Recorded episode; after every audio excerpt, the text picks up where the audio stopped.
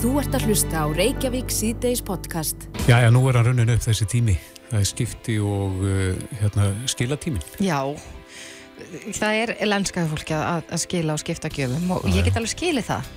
Að það er betra að fá eitthvað sem maður getur nýtt. Einmitt. Það hlýtur að vera betra fyrir umhverfi líka. Já, alveg pottet í staðin fyrir að stingur bara hún í skuffu. Já. En uh, þetta er auðvitað líka skrítin tími vegna þess að það eru auðvitað samkomintakmarkanir og það er heldur taliðin í verslanir. En uh, það er spurning hvaða rétt neytendur hafa, hvað þetta varðar. Já, að skila og skipta. Já, Brynildur Pétursdóttir, framkvæmdastjóri neytendasamtakana er á línunni, kom til sæl. Velverið.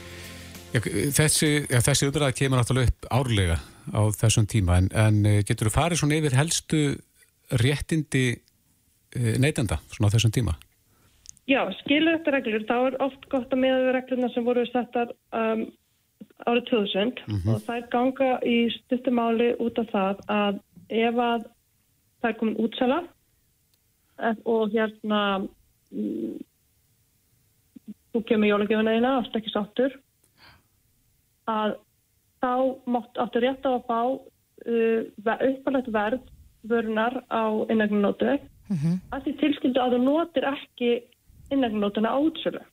Jáhá, Já, þetta er pínflóki og hérna uh, og, og sem er fyrst þetta nú súrt í broti en, en hinn kosturinn væri þá að í rauninni koma með vöru sem kestur fullu verði og geta svo nýtt hana þá á útsölun en, en þá með útsölu verði. Mhm. Þannig ef þú Og- hefur fengið einhvern hlut eða flík eða eitthvað sem kostar 30 krónur og er svo 50% afslætti hérna á milli jól og nýjárs eða hvenna sem að útsöldnar eru að þá getur annarkvort Já. fengið uh, fullt verði í inneignótu en þá getur ekki notað útsölunni eða skipt þessu í aðra vöru. Já, og þá með 50% afslutin. Þannig að, einmitt, hár rétt. Og já, þannig að þetta er svona, það er og maður, mér hóst svona eins og um tíma þá voru útsöldnir að byrja bara fyrsta virka dag eftir jól og síðan uh, breytist það nú aðeins, ég veit ekki hvernig þetta er akkurat núna um aðeins verið að fárendar svona mál. Uh, þannig að seljendur reyna að gefa fólki hérna, tækifæri til að koma í vestlunna og hérna þannig um á COVID-tímum og, uh, og skipta. Þannig að, að þetta er svona, þannig að það áfólk bara þessi innegnótu og svo hérna er allir gangur á því hvað þær gilda lengi og við hefum sagt að ár er algjört lámark en í rauninni ætti svo sem ekki að vera gildastíma þeim frekar en á gjafabrjöfum sem er svo líka annað sem mikið er spurt um. Það er örgulega verið að gefa mikið líka gjafa, gjafabrjöf í jólugjöf og þá er uh, gildistímin á þeim er oft of stuttur og Er það, er það verslunin sem að setur þá, þá reglu? Eða Já. segja, ræður því Já, hversu í rauninni, hún ræður því og, og samkvæmt þessum skilur þetta reglum gömlu sem við vitnum oft í að þá var talað um fjögur ára gildistíma á gjafabrjöfum en það er allur, allur gangur því og við fáum allt og, allt og mikið að málum þar sem að gildistíma á gjafabrjöfum er óstuttur, er útrunnin og seljendur jafnvel með vesen. Um, og það finnst okkur alveg mjög súrt í broti vegna þess að vestlunni að seljandi er, er búin að fá afhenda peninga og hann er ekki búin að láta neitt á hendi. Þannig að við reynum virkilega í, í þeim málum að hérna að stundum bara reyna að semja við seljendur okkur finnst það líka svolítið skrítið að við komum með viðskiptavinn og bara honum ánæðum, ánæðum. Akkurat. En, en Brynildur, hvað með svona eins og núna þekkjum við öll þegar maður er að kaupa jólagjafir það er spurt, viltu fá skipti með það? Uh, ef það gleymist, í hvaða stöðu eru neytendur þá? Ef þú getur syngt fram á að var hans keift í vestlunni þá eiga rétt á skilunni. En það er oft erfitt fyrir þann sem fær að gjöf, það fylgir ekki kannski kvittur með. Það er pínu erfitt, þá hvað getur maður gert? Kanski þekki þá mannskina með sér sem gaf gjöfina í verslununa og hún getur syngt á heimabankanum sínum á símanum að hún hafi raunverulega keift vöruna. Akkurat, þannig að það er svolítið flókið í framkvæmt kannski. Það með einhverjum hættu og væntalega hefur borgað fyrir hann með kredittkorti Mhm. eða eða debitkorti. Já, svo eru líka alls konar vörur eins og til dæmis bækur sem eru seldar já, á mörg, sömu bækurnar í mörgum verslunum og nú er líka Já. komið þannig að, að bækur eru ekki lengur í plasti. Nei, Breytir nákvæmlega. þetta einhverju fyrir neytendur? Það er alltaf, maður ætti alltaf að passa að vera með skipti, skipti með það, því það er hérna, seljendum ber í raun ekki að taka við ógölluðum vörum þó þeir gerir það. um, þannig að rétturinn þarna er ekki, hann, hann er ekki kannski alveg nógu góður og þetta er eitthvað svona sem að við svona höfum verið að skoða og, og var náttúrulega tilvægum gerð til að bæta þennan rétt og koma samvöldum skilur þetta reglum á þarna um, kringu 2000 og þannig að það er svona kannski byggt að skoða það bara aftur líka bara, já, þetta er bara, þetta er mikið spurt um þetta og Og, og ég sérstaklega er það að gefa brefin. Við rauninni myndum segja við fólk sem er að kaupa gefabref og ætlar að gefa gefabref að ekki kaupa gefabref gildistímin er uppstuttur. Vegna þess að gefabref sem endur um skuffu og hérna engin nýtir og það er náttúrulega bara alveg skott að henda peningunum. Mm En nú hefur maður orðið mikið varfi auglýsingar uh, frá fyrirtæki sem að er að auglýsa gjafabrif sem endast að eilífu. Þið hljótið að fagna því að, að einhver fyrirtæki sé að taka upp á því. Það er bara frábært og bara me megið sem flest fyrirtæki taka upp á því. Já, akkurat. En uh, rétt kannski aðeins í lokinbyrjinleldur, er þetta uh, sá tími ásins sem að þið fáið flest mál inn að borta líkar? Svona í, Mm, nei, ég myndir ekki, þetta var verra, þetta var aðeins skánað og hérna, þannig að nei, og það getur bara, kemur bara í bylgjum ef að, þú veist, það komur brjálæðislega mikið að málum hann kringum COVID, ferðatengd mál, svo kom, það hafa verið mikið smálána mál, það fyrir bara svona svolítið eftir er í gangi.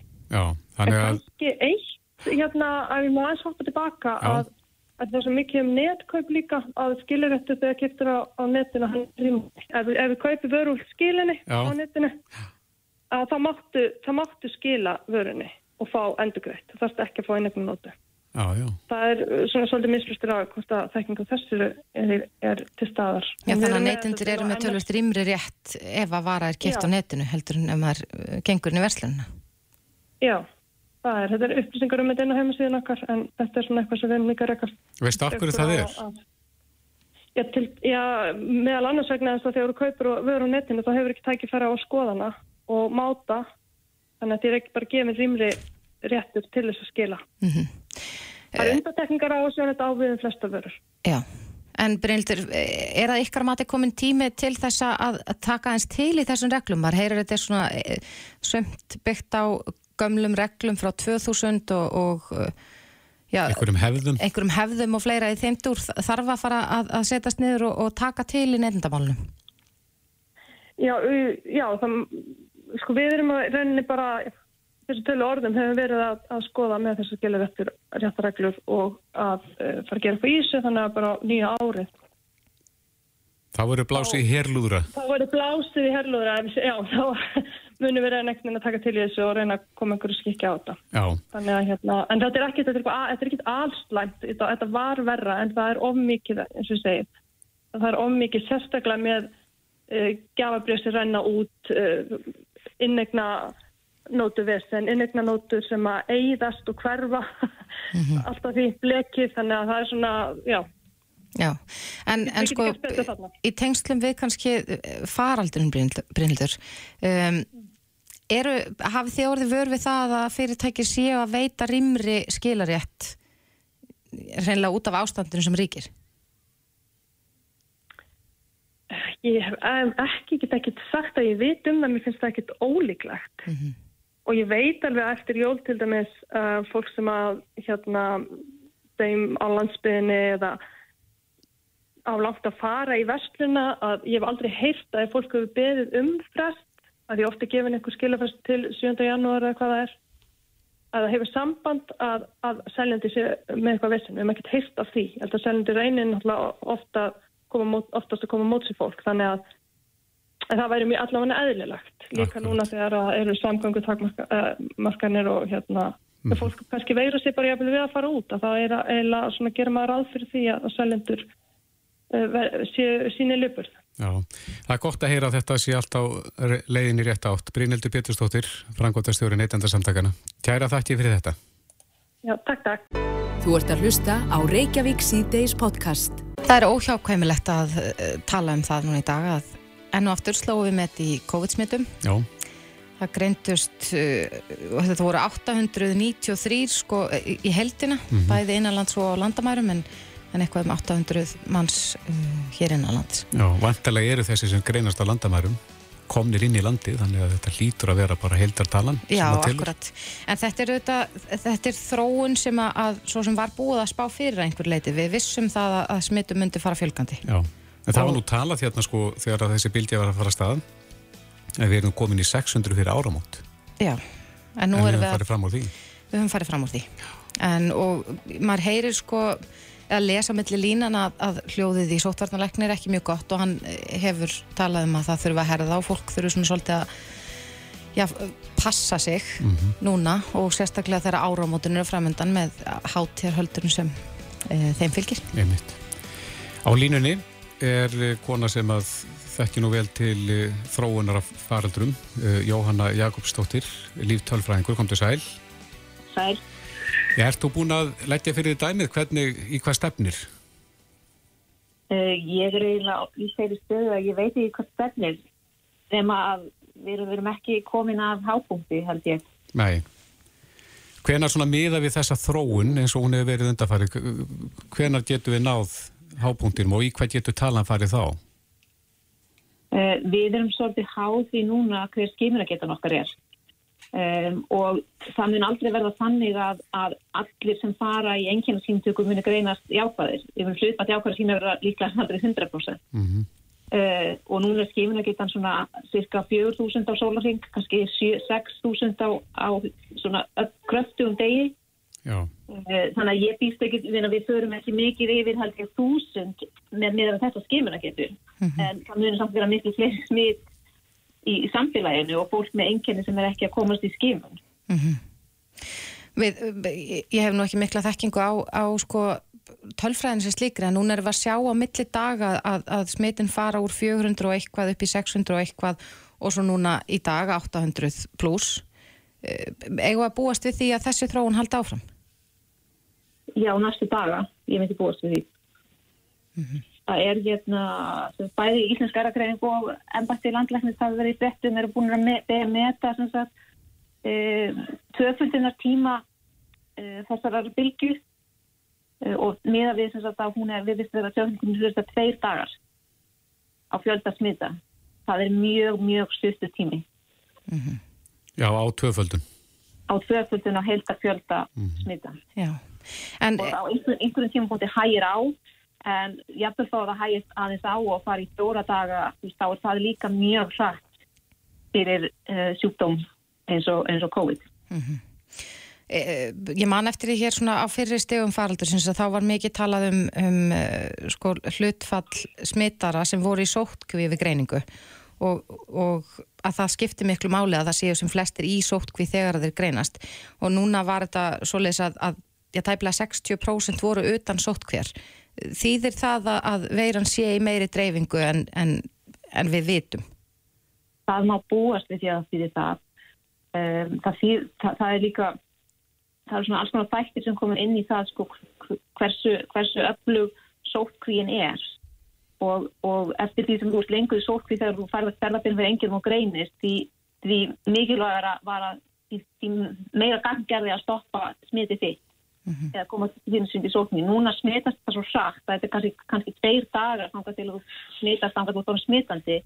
Það er bara miklu erfiðar að ná fólki í sóttkví áður en það er orðið smitandi.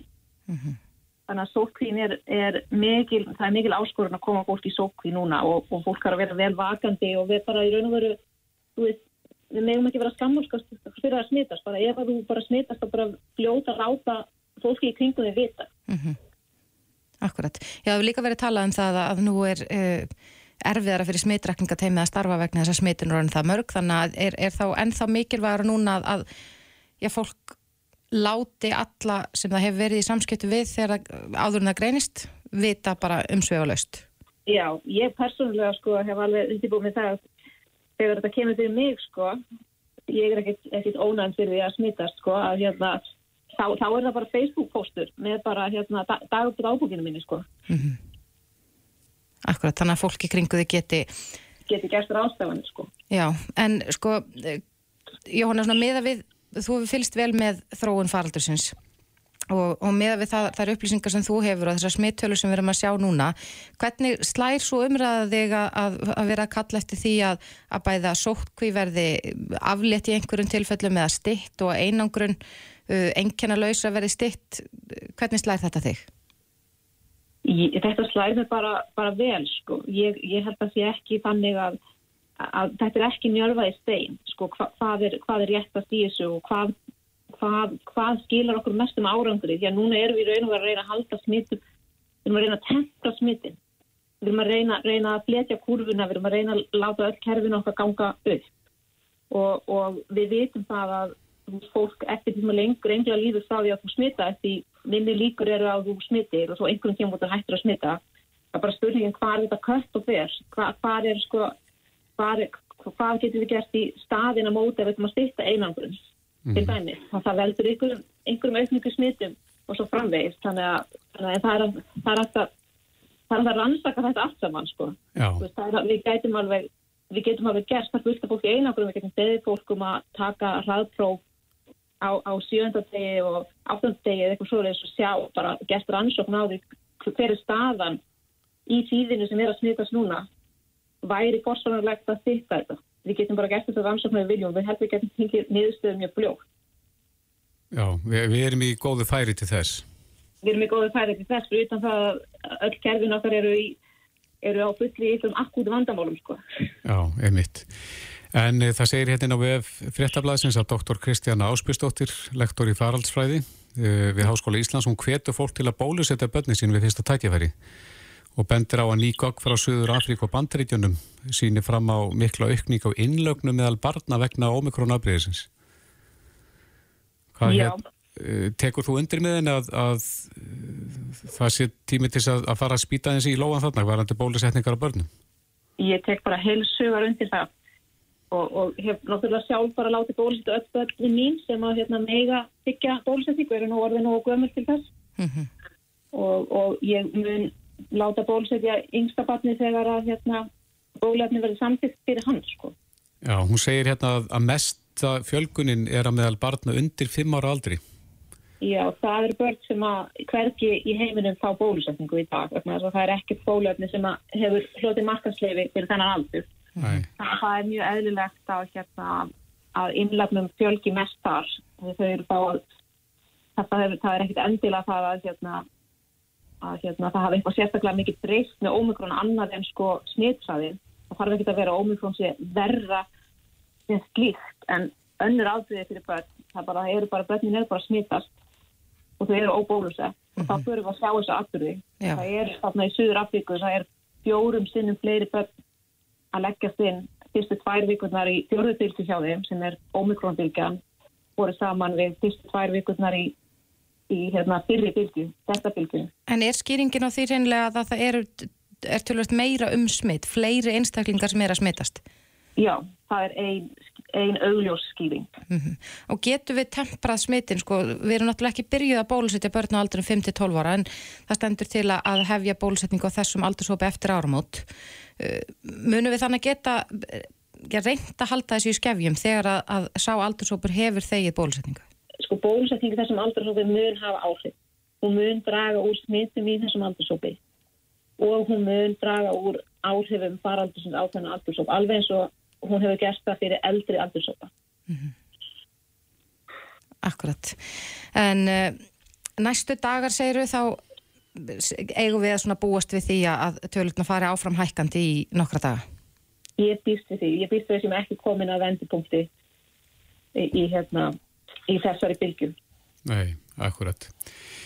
Eh, Jóhanna Jakobsdóttir, eh, líftálfræðingur, kæra þætti fyrir þetta. Já, gerur svo vel. Þetta er Reykjavík C-Days podcast. Já, ég um Reykjavík síðdeis, uh, þessi faraldur sem hann nú geysar er nú farin að hafa verulega áhrif á uh, atvinnulíf og hefur enda gert það í gegnum allar þessar bylgjur. Mm -hmm. En nú þegar smittölur uh, þær rjúka upp á við og, og þar af leiðandi líka þeir sem eru í þá í sóttkví mm -hmm. vegna þess að í, já, ef einn ein einstaklingur smittast þá eru oftast einhverjir í kringum þann einstakling sem þurfa að fara í sóttkví. Já að, að þá er þetta farin að hafa svona kannski öðru vísi áhrif á atvinnulífið og kannski líka hvað var það mönnun Einmitt. og við heyrum að því að það er verið að loka fyrirtækjum vegna þess að stafsvolti er bara í nánast allt í sótkví. Akkurat. En það er spurning hversu lengi þetta getur gengið. Á línunni er Þorgil Sómar Pálmarsson, fórstjóri aðalskoðunar og einn af stjórnamönnum og stopnandi aðunufélagsins. Kom til sæl. Komið sæl. Já, spurningin er, hvað getur þetta gengið lengi svona? Ég, þetta er náttúrulega orðið halgætt ofendur ástand með þeirri smittstölu sem við erum að sjá í dag mm -hmm. og eins og þeir nefnduð á hann að þá er náttúrulega hérna, farið að, að býta verulega á aðanlífi og náttúrulega mismikið. En það er náttúrulega þjónustu fyrirtæki sem að, sem að hérna, er að þurfa að loka vegna, vegna einanglunar eða, eða sótkvíjar er náttúrulega bara virkilega illa haldin og það má engin rekstur við því þessu orðfæri sem er í dag við því að, að, að loka. Það, það er líkur alveg lúst fyrir. Eru einhver tól til þess að, sko, að, fá slíkt bætt ef, ef að fyrirtæki neðist þess að loka vegna einangrunnar eða sótkvér? Nei, ég til, ekki, til það ekki vera því að þetta er náttúrulega bara bundi í lög og, og hérna, þannig að það eru stjórnsöld sem hafa tekið þessu ákvörðunum að hafa að skipa þessum málum með þessum hætti. Þannig að, að það, það er engin, engin, engin úrræði sem að, sem að fyrirtæki hafa. Og ég held að, að stjórnvöld verður nú aðeins að fara að hugsa sig um hvernig þeir vilja hafa, hafa þetta því að annað er þegar fólk er orðið, virki, fólk er orðið veikt og, og, og hérna, fer þá í einangrun. Og svo að vera, vera hérna, að dengja öllum öðrum í, í, í sótkví og þess að á þess að nokkuð sé að því fólki það er sitt stórspurningaverki við þetta orðið í dag. Já, hvernig myndu þið vilja haga málum með öðruvísi? Já, ég held að það svona svipa svona eins og, eins og danindir eru með þetta. Það er að segja að, að, að hérna, þó einhversi veikur á heimilinu þá, þá sinnir, sinna aðri fjölskyldmeðlu við bara sína, sína störfum og öðru slíku eftir á þess að, að hérna, þurfa að vera, vera í settið í sótkví. Mm -hmm. Þannig að þú myndi vilja að láta slaka ákröfunum varandi sótkvína? Já og það er líka svona uh, þetta er orðið, þetta, þetta er orðið það rögnislegt er að fara að veita undanþór frá þeir reglu sem eru settar að það er náttúrulega gerir ekki, ekki neina gott og, og það er bara raun og veru verður þess valdandi að það er einhverju sem að fara, fara sjá ekki, ekki ástæði til að, til að hérna, veita eitthvað um kúsið að fara að fylgja þenn reglum. Þetta er bara mjög hættulegt að vera að sitja svona forðarni með, einhverjum undanþóðum. Mm -hmm. En þetta er viðkvæmur línudans, þar að segja að reyna að hefta útberðsluna og, og síðan hversu langt á að ganga, hvar eru meðfættir að skada þá aðra hluti. E, þannig að heldur að nái sátt um það að, að e, gefa meiri slaka varandi til dæmi sótkvína? Já, sko, ég held að, að það verður það bara að reyna að finna bara einhvern, einhvern punkt á því hvað, hérna, hverjum er hægt að bæta upp og annars. Já, e, sko, það er náttúrulega fleira sem að bætist inn í þetta. Við erum að tala um það að að núna er til dæs tryggingagjald að hækka um áramótin, það er að hækka um 0,25 púta uh, sem að fer í samað og var áður en að hafa tímabönda lækkun á því og allt þetta og, og, síðan eru náttúrulega mörg fyrirtæki sem að lendu í sem að fengu ívillanir varðandi stækveðslu og annars líkt að það er komið að skuldadöðu núna um 15. eða 17. næsta mánuðar Þannig að það er margt sem er að bæta stóna þetta og þetta gerur það verkum að, að róðurum eru stöð þingri fyrir, fyrir fyrirtæki sem að þegar eru, eru hérna, á njánum og síðan bætast náttúrulega launahækkanir og náttúrulega sem að, sem að taka gildi núna fyrsta januar. Mm -hmm. Þannig að það er margt sem að, sem að leggst í raun og veru ítla á uh, bara fyrirtæki í landinu og sérstaklega lítunum meðstór. Já. Hefur þú eða þið heyrt hljóðið í, í ykkar félagsmönnum og, og finnið að, að, að já, það er daldið þungt? Já, já. Við, við erum náttúrulega, sko, við erum flest aðtunarreikmyndir sem erum, erum innan, innan hús í, í hérna aðtunarfélaginu og, og síðan erum við náttúrulega góðu samstarfi og samtali við, við hérna, okkar, okkar félagsmenn og, og það er raun og voru alveg sama hvar ber niður að, að það er þungt hljóðið í, mannum og fólki. Er einhverju þurft að loka hjá sér út af þessum? ekki kannski, við erum ekkert að reyka eitthvað gjaldróð beint til þessara, þessara rástana sem er. Það er að minna bara tímaböðna lokanir?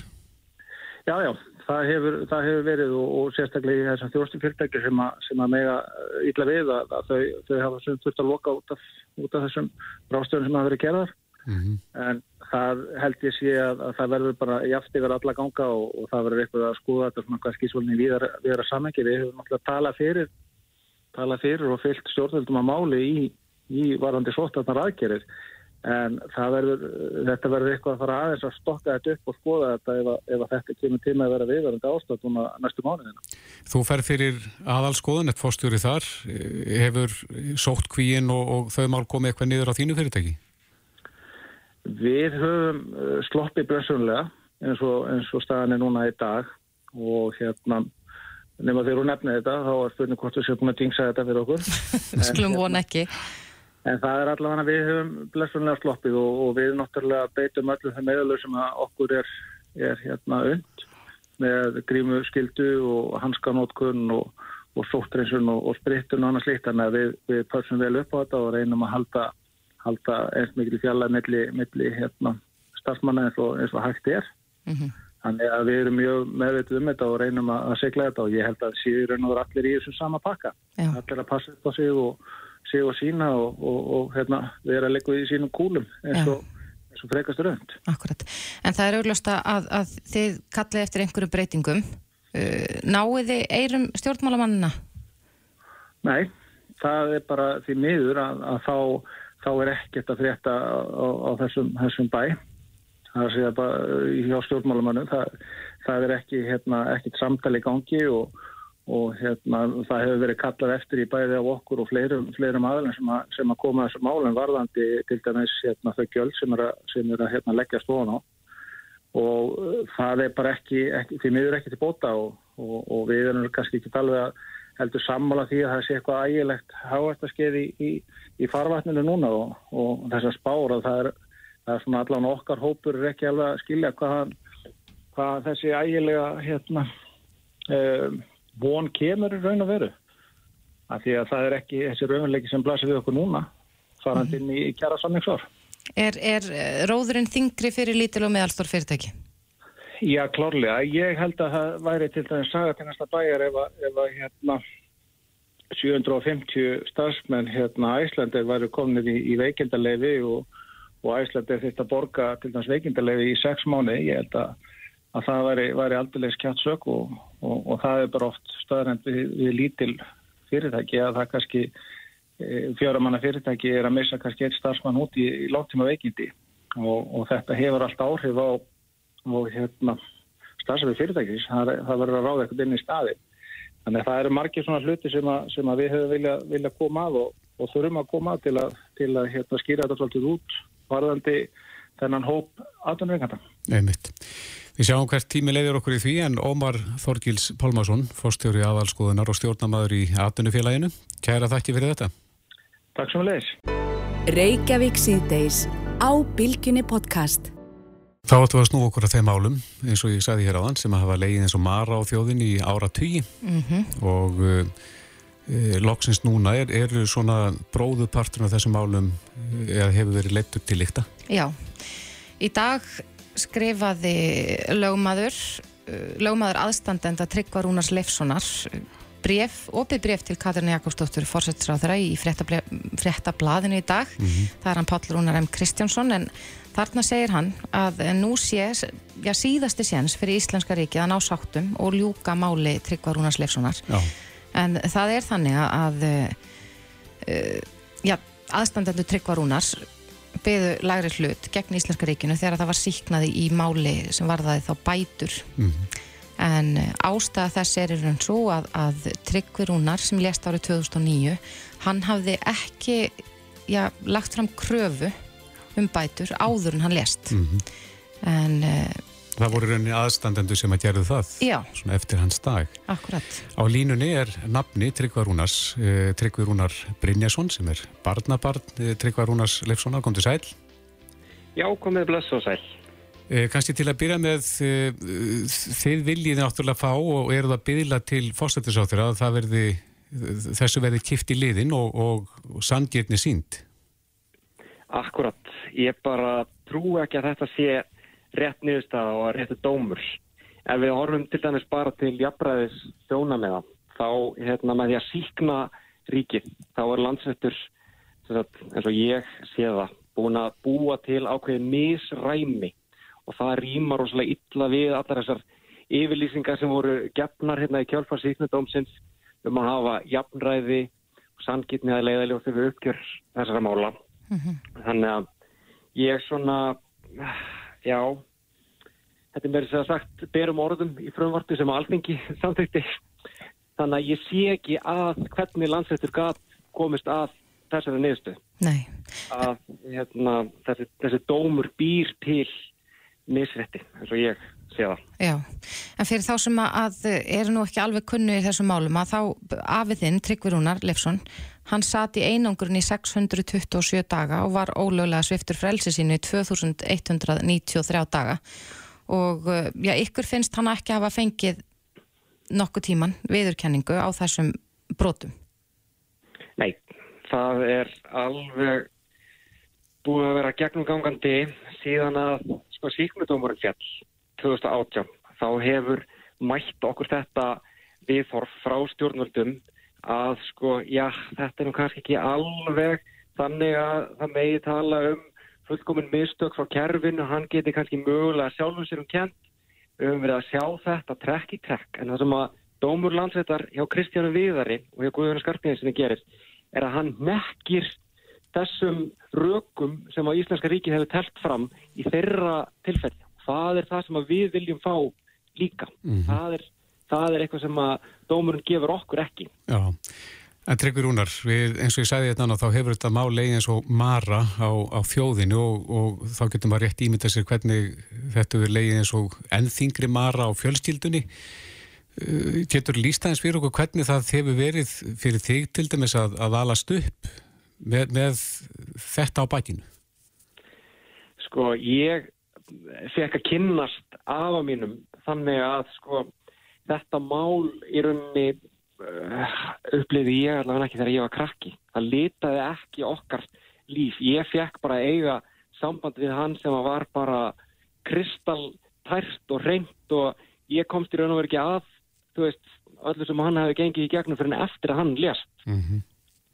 Þannig að ég fekk það samband með honum og ég kann svo rosalega vel að meta það að bara fengi að sjá hann eins og hann vildi að ég myndi sjá hann en ekki eins og eins og hafa málaðir í þessu máli. Nei, en svona... Aftur á móti já. hefur það verið sko það að berjast við kerfið og berjast fyrir þessu réttlætt og fá að fylgjast með því það hefur verið ansi grimmur og grófur ingangur að okkar stjórnkerfi að sjá hvernig sko kerfið tefur og hvernig það neytar að axla ábyrg. Það er búin að vera ljótur skóli, verði ég bara að segja. En þetta náttúrulega litaði líf af aðeins, ansi mikið.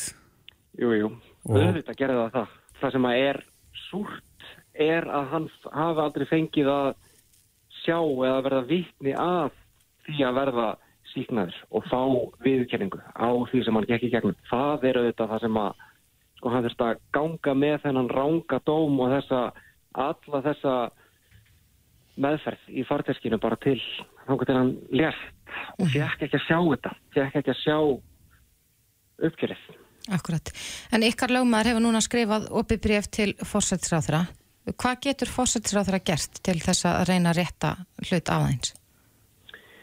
Já, mér finnst vera komið, það er komið fordæmi fyrir því. Það var, hún tók að skarið eftir síknudóminn, hún lagði fram frumvart til alþingis til þess að sko það sem að, það sem að þau, það sem að stjórnvöld töldu vera eðlilegt uppgjör sem að við vorum ósamála um og nú er landsettur búin að staðfesta að þetta voru ekki nógu háarbætur. Það sem að mér finnst eðlilegast væri að við myndum bara fara í eitthvað sambarilegt aftur. Akkurat. En í, uh, það voru þetta fleiri mál sem voru í rauninu fleiri dómar sem að fjallu þarna núna í desember í landsrétti. Og það voru þá dánarbú Kristjáns Veðars og, og Guðjón Skarpeinssonar og finnst ykkur það óréttlátt að önnur dánarbú fái bætur í þessu málum en, en ekki dánarbú af aðeins? Já, óréttlátt. Mér finnst það bara sína fram á bara galla í kerfin okkar. Mér finnst þetta bara vera einhvern veginn, mér finnst þetta bara ekki ganga upp finnst þetta bara að vera sko ekki það að þú veist eitt dánabú fá og ekki hitt mér finnst þetta vera bara þannig að það þurfur bara að gæta jafnræðis sanngirni. Ef að hún bregst ekki við fósættisáþurra, hvað, hvað gerist þá? Já, þá eru við erum bara búin að fara ekki ennum landsett, þá er, þá er eitt stíu viðbútt hér ennum lands. Og sjáu þið fyrir ykkur að, að áfrýja þessu til hæstaréttar? Ég held að það sé ekki búið að taka ákvörðun yfir það. Ég held að við séum nú allt bara búin að vera í jólabóðum og reyna að hafa gott yfir hátíðarnar. Já, með hugan annar staðar. Ég býst við að lögmaðurinn okkar sé búin að vera að velta þessu fyrir sér. Já. Tryggvi... Tökum ákvörðunum það fljóðlega. Já, Tryggvi Rúnar Brynjarsson, badnabatn og, og nafni Tryggva Rúnars Leifssonar. Takk kærlega fyrir þetta og gangi ykkur vel. Takk sem leiðis. Reykjavík síðdeis á Bilginni podcast. Eitt af því sem ég man eftir síðan í esku, það var að fyrir jólinn að þá sko fylltist sjómarstjárin af ylvasauglýsingum. Fannst ekki eftir þessu? Ég, Þetta er eiginlega sá tími þar sem að maður sér eiginlega aldrei ylvasauglýsingar nema réttur nei, jólinn. akkurat. Og, og þetta er mikil kunst Já. að finna sér ylvatn. Einmitt, Sumir geta ekkert einn borið hvaða ilm sem er, já, aðrir ekki. Ég hef verið gjörn á það að fá höfverka ef það er svona sterk lykt, þannig að, að ég ekkert einn genga eða aldrei með ylvatn. og stundum bara hafnar annarkvort ilmur í manni eða líka minn ilminum. Og ekki skil ég hvers vegna það verður, en þetta er eitthvað með, já, ég veit það ekki, Já. manns eigin lykt eða eitthvað. En e, það, það er líka bara frekar mikil nýsköpun í e, þessum ilm yðnaði. Við þekkjum auðvitað öll að þú getur farið út í, í bara næstu snirtiveru verslun og, og keft frá þessum stóru framleiðendum. En eh, við rákumst á uh, Íslenskt fyrirtæki Einmitt, sem er að, að já, brugga sína eigin ilmi. það er magnum. Á línunni hjá okkur er Lilja Birgisdóttir, hún er einn eigenda uh, í Fissersundi. Komdu sæl, Lilja. Blessa og sæl. Já, ykkar fyrirtæki er, er eh, já, þetta er svona fjölskyldurekstur, ekki satt, þar sem þið eru að búa til reyna og, já, dásamlega góða ilmi. Jú, nákvæmlega. Við sem sagt erum ilmgerð staðsett í gamla grótaþorpinu og erum að gera okkar einn ilmi. Og við erum komið að þessu semst fjölskyldan. Þannig að þetta er hérna eh, fjölskyldi fyrirtæki og ég er sem sagt listakona og ljósmyndari og svo er Inga sýstu mín, hún er hérna víturistakona, listakona og hennuður. Svo er Jónsi bróði minn, hann er tónlistamæður. Og Sigur Rós? Já, nákvæmlega, aðra Einmitt. þarftu vera söngarni Sigurós Já. en það sem að ekki margi veit er að hann er búin að vera að búa til ilmi síðustu tíu ári. Já, já. Hvernig datt ykkur þetta í hug? Að segja, hvernig datt hann niður á það að fara að hanna ilmi? Nákvæmlega, margi búin að spyrja þessu. Hérna, um, svona ég held bara svona eins og mín upplifun að þessu þegar ég hef að tala við hann er rauninu bara að hún finnist vera alltaf svona sterk lína á milli ilms og tónlistar. Já, að þetta eru bæði svona abstrakt skinjanir sem einhvern veginn komst bara fram hjá öllum svona, hvað segir maður, svona stoppurum hjá okkur og fara svona beint í hvert er Og svo er þetta ótrúlega magnað með, með, hérna, með sem sagt, áhugavert í ilmgerð. Þá ertu með nótur eins og í tónlist. Nú, Þú ert með háanótur eins og sítrus og, og, og pæn Já. og svo ertu með bassanótur eins og leður og, og byrkitjöru. Þannig að þú getur skapað heilu sinfoníunar með. En hvert er, hver eru innihaldsefnin í svona ilmvatni? Er, er eitthvað svona, eitthvað efni sem að eiga vera og er í öllum ilmvatnum? Um, það eru, uh, sko, hérna, við erum að nota sem sagt íslenskar ilmóljur og svo erum við líka að nota erlendar óljur en sem er enga öðru blanda sama við. Það eru bara óljurnar og svo setjum við sem sagt alkohol sama við til að geta spreyja þeim. Og hérna, mm, þannig að þetta er, þetta er, já, þetta er alveg, hérna, ég er um hérna á vinnustofinu núna og það sem að Jónsi og Rósa er að blanda ilmina og, og það er þetta alveg, sko, hundruður ilmvalja, þannig að þetta er alveg rosa stór heimur. Já, en í Fissersundi þá eru þið með, eh, já, þetta er ekkit mikið úrval, þeir eru með fjóra ilmi, ekki satt? Jú, það er svona eiginlega einn búin að koma á ári og við sem sagt uh, erum fjár ára núna og svo erum við mitt að vinna nýjum ilmi sem að kemur vonandi út næsta haust. Já. Þetta er alltaf dálítið ferli. En að bakvið hvern og einn er svona ákveðin saga, Já. eða svona einhver upplöfun eða, eða svona tilfinning? Já, akkurat. Mér finnst það ótrúlega gaman eins og mér finnst líka bara svona allt sem að Jónsi gerir. Þetta er allt svona, kemur frá hjartanu og innsæðinu og, og hérna, en það sem er svo gaman með hérna feskinnis, þetta er elsta skinnfærið okkar og það bengir til minningum okkur og tilfinningum. Þannig að þú getur haft svo mikil áhrif og bara á þau ákveðnið líður með, með ilminn og Mhm. skapað í rauninni svona hughrif eða, eða, eða myndir í hugan Já, og einmitt eins og einn ilmur sem að Jónsi gerði sem að hérna sem að þú fannst um þetta í dag var, við kvöldum hann bara reynilega nummer átta. Og Jónsi þess að bjó hann til á svona innblásin af æsku árum okkar í Moselsbæ og, eða Moselsveit hérna þá, þetta var sem sagt sem að fyrir innan Reykjalund í Moselsveit og hérna og við, uh, sem sagt það var svona ungt hverfi þá, mamma og pappi fluttan held ég 1980 og, og þetta var bara svona fjölskyldir sem var að byggja sitt fyrsta hús. Og já, þetta var svona æðislegur tími hjá okkur. Við varum rosa frjáls og rosalega mikið á krökkum og allar að út að leika og hvað er í þeim ilmi? herðu, ná, á ég ekki bara á ég, á ég ekki lesa fyrir ykkur lýsinguna? Jó, endilega. Ok, nú ætlum ég bara hérna, nú, nú er ég að spreyja sér á mig núna hérna. Og nú ætlum ég bara að byggja ykkur um að loka augunum og, og ímynd ykkur hvort þið finnið eitthvað af, þessum, hérna, af þessum ilmum. Mm Fissi nummer átta. Glænýr stregaskór kremja plöntustilka á heitum albyggi. Sítrónu bröss ykkur í munni og sæt smurali á fingrum. Stólið rappabari á böglabera, afhýtur, baðaður í hunangi og tyggin. Appelsínukökum vilsna í vasa á nýsegnu fötum. Kaldur vindur í hári í rökum fyrir skóin. Já, Já, er allt þetta í, í ilmvatninu? Það er að segja, er smurólían og, og rabbabarinn og allt þetta?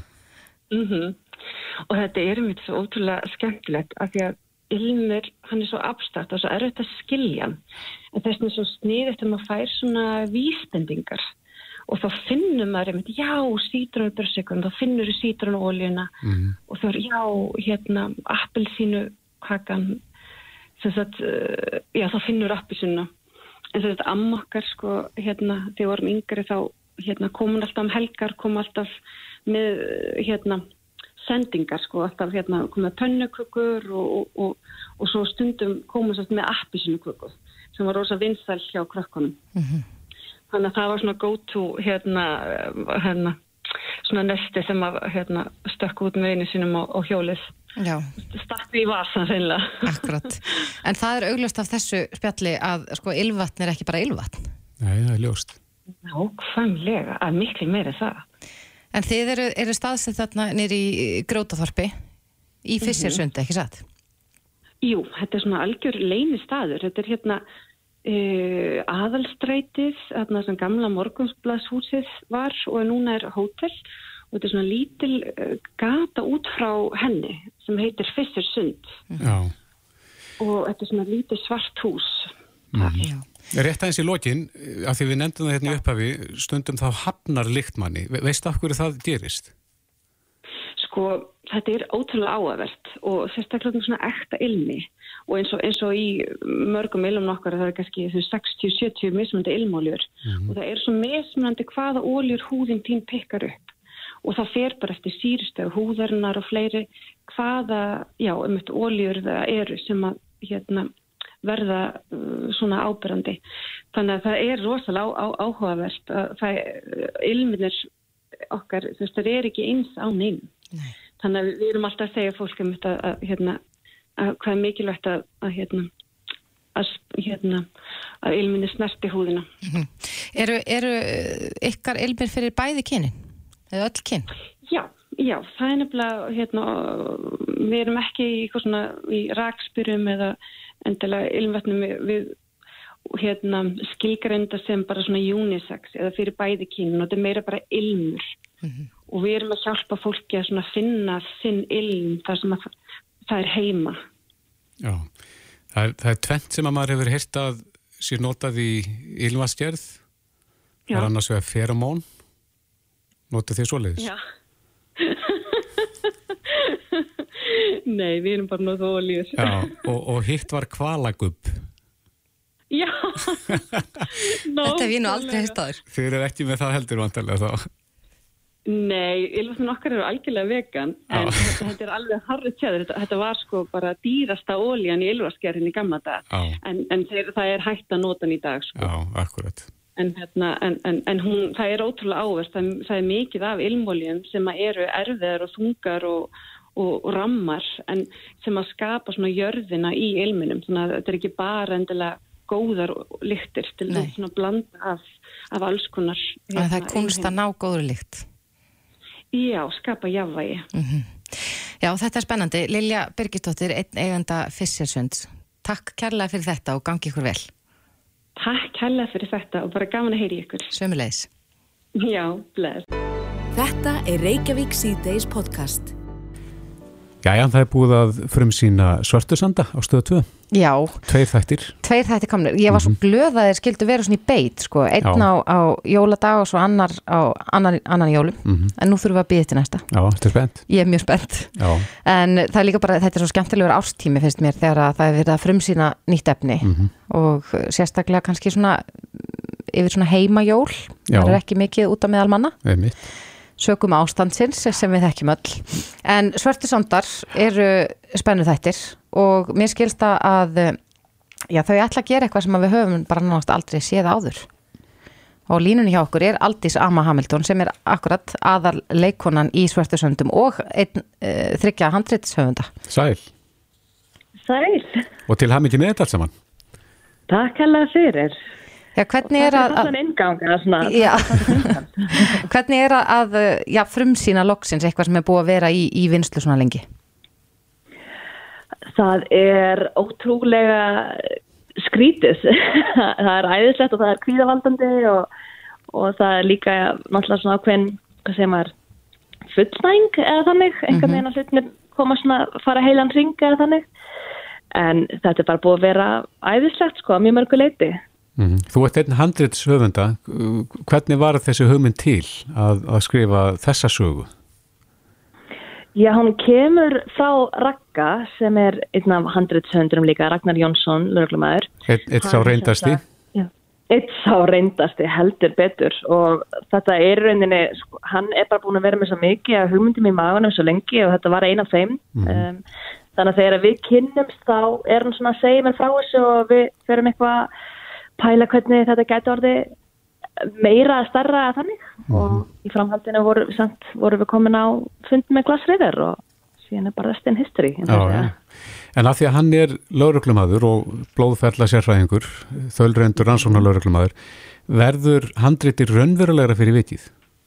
Já, ekki spurning. Það er bara, mér skilist meira svo hans kollegum að fólk er almennt mjög ánægt lauruglufólk á Íslandi og þeir sem eru í hans geira með það sem nú, nú þegar komið, þess þessi tveir þættir sem eru búinir í síningum og það verður meira í þessum dúr, uh, bara út, út hérna þátturöðina. Akkurat, og þetta eru átta þættir ekki satt? Þetta eru átta þættir, jú. Tveir komnir. Ég, mér finnst mjög óþægilegt sko eftir að maður er svona búin að vennjast ég geta verið að hámhorfa á, á streymisveitum að, að þau þurfa að vennja sig aftur á sko línulegu dagskrána. En, en það er eftirvæntingin er samt góð og ég veit allavega fyrir mitt leiti að ég er mjög spennt fyrir næsta þetta. Já, er gaman að heyra. Ég, ég skil þetta mjög vel og ég finn þetta alveg sjálf að ákveðni leiti. Það sem að mér finnst jákvæmt við svona líðnilega dagskrá er að mér líður eins og þættir lifa hans betur í minningunni líka hjá manni sjálfum því manni var upplifur að maður hafi eitt miklu meiri tíma í, í það að horfa af því að maður horfi, þú veist, maður tók síðan bara vikun í einhvern veginn svona að melta og hugsa og spjalla og tala. Þannig að þá svona að lifa þetta annars lengur allavega í mínu hjarta ef ég treyni þá. Og stundum ger ég það líka þó ég geti hamhort. Bara svona geri það markvist að horfa á einna kvöldin eða annað hvort kvöld eða eitthvað svoleiðis bara til þess að fá með einhvern veginn ans meira úr upplifinni Akkurat. þannig ég vona að fólk upplifi það. Já, en hvernig er það alltís að vera í, í sko bæði að leika aðalhuturkið og þú ert leikur lauruglukonu í þessum þáttum, hann Anitu Já. og, vera síðan líka búin að skrifa söguna. Er það öðruvísi en þú ert svona, öðruvísi upplifun en þú ert vön?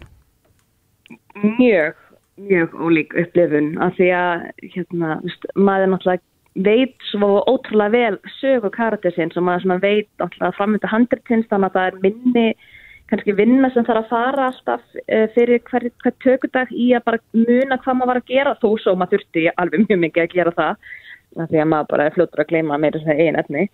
En, en svona heilt yfir þá er þetta ótrúlega þetta er mjög svona, það tekur svolítið álægir af manni þegar maður er í svona mörgum tökutum í einu að vera svona kunnur handritinu nú þegar. Sem, ég, sem ég finn alveg klárlega. Já.